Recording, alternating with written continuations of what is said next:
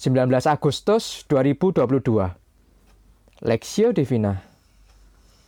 2 Tawarik pasal 9 ayat 1 sampai 12 Ketika Ratu Negeri Sheba mendengar kabar tentang Salomo, maka dengan pasukan pengiring yang sangat besar dan dengan unta-unta yang membawa rempah-rempah, banyak emas dan batu permata yang mahal-mahal, datanglah ia ke Yerusalem hendak menguji Salomo dengan teka-teki. Setelah ia sampai kepada Salomo, dipercakapkanlah segala yang ada dalam hatinya dengan dia. Dan Salomo menjawab segala pertanyaan ratu itu.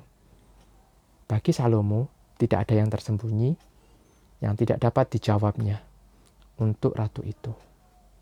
Ketika ratu negeri Seba melihat hikmat Salomo dan rumah yang telah didirikannya, makanan di mejanya, cara duduk pegawai-pegawainya, cara pelayan-pelayannya melayani dan berpakaian, juru-juru minumnya dan pakaian mereka, dan korban bakaran yang biasa dipersembahkannya di rumah Tuhan. Maka tercenganglah ratu itu. Dan ia berkata kepada raja, Benar juga kabar yang kudengar di negeriku tentang engkau dan tentang hikmatmu. Tetapi aku tidak percaya perkataan-perkataan mereka sampai aku datang dan melihatnya dengan mataku sendiri. Sungguh, setengah dari hikmatmu yang besar itu belum diberitahukan kepadaku. Engkau melebihi kabar yang kudengar. Berbahagialah orang-orangmu, dan berbahagialah para pegawaimu yang selalu melayani engkau dan menyaksikan hikmatmu. Terpujilah Tuhan Allahmu yang telah berkenan kepadamu sedemikian, sehingga ia mendudukkan engkau di atas tahtanya sebagai raja untuk Tuhan Allahmu. Karena Allahmu mengasihi orang Israel, maka ia menetapkan mereka untuk selama-lamanya dan menjadikan engkau raja atas mereka untuk melakukan keadilan dan kebenaran. Lalu diberikan kepada raja 120 talenta emas dan sangat banyak rempah-rempah dan batu permata yang mahal-mahal tidak pernah lagi ada rempah-rempah seperti yang diberikan Ratu Negeri Seba kepada Raja Salomo itu. Lagi pula, hamba-hamba Huram dan hamba-hamba Salomo yang membawa emas dari Ofir, membawa juga kayu cendana dan batu permata yang mahal-mahal. Raja mengerjakan kayu cendana itu untuk menjadi tangga-tangga untuk rumah Tuhan dan istana raja, dan juga menjadi kecapi dan gambus untuk para penyanyi. Hal seperti itu tidak pernah kelihatan sebelumnya di tanah Yehuda. Raja Salomo memberikan kepada Ratu Negeri Seba segala yang dikendakinya dan yang dimintanya, melebihi yang dibawa ratu itu untuk raja. Lalu ratu itu berangkat pulang ke negerinya bersama-sama dengan pegawai-pegawainya. Kunjungan Ratu Sheba perspektif dan ia berkata kepada raja, Benar juga kabar yang kudengar di negeriku tentang engkau dan tentang hikmatmu. Sungguh, setengah dari hikmatmu yang besar itu belum diberitahukan kepadaku. Engkau melebihi kabar yang kudengar. 2 Tawarik pasal 9 ayat 5 sampai 6. Bila Salomo memerintah hari ini, tentu semua yang dilakukannya akan viral.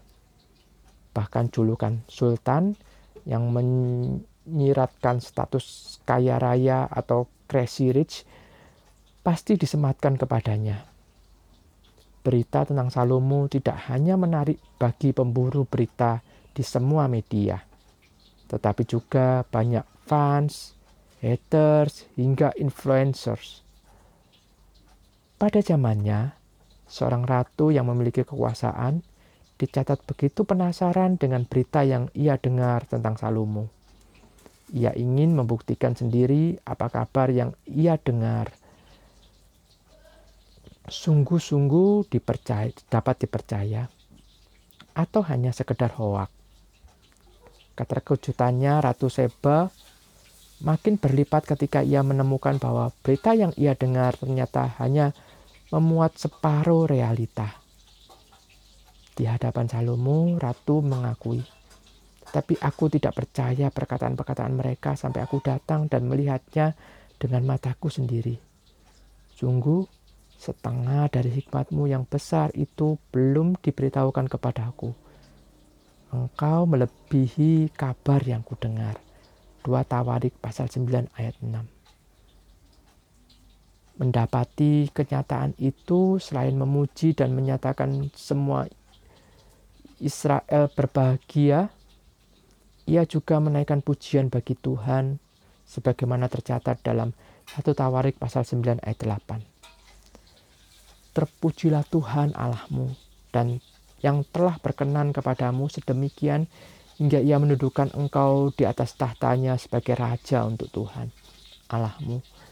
Karena Allahmu mengasihi orang Israel, maka ia menetapkan mereka untuk selama-lamanya dan menjadikan engkau raja atas mereka untuk melakukan keadilan dan kebenaran.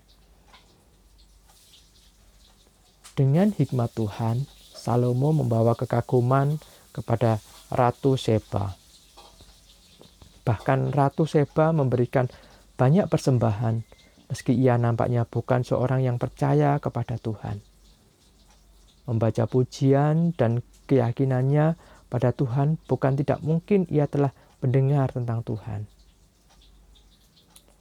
Orang percaya juga dipanggil untuk menyatakan kehadiran Allah dalam hidupnya, supaya mereka, orang lain, dapat, supaya melalui mereka, orang lain dapat mengenal Allah yang benar dengan sikap yang benar. Tuhan Yesus juga mengajar hendaknya dunia dapat melihat perbuatan kita yang baik, yang melaluinya Bapa di surga dipermuliakan. Studi pribadi, dapatkah orang lain melihat kehadiran Tuhan yang hidup dalam hidup Anda? Bagaimana cara terbaik menyatakan kehadiran Allah dalam hidup Anda? Pokok doa, berdoalah agar orang-orang percaya memiliki hikmat Tuhan Doakan juga agar orang-orang tidak percaya dapat melihat kehadiran Tuhan dalam diri orang Kristen serta memuliakan Bapa di surga.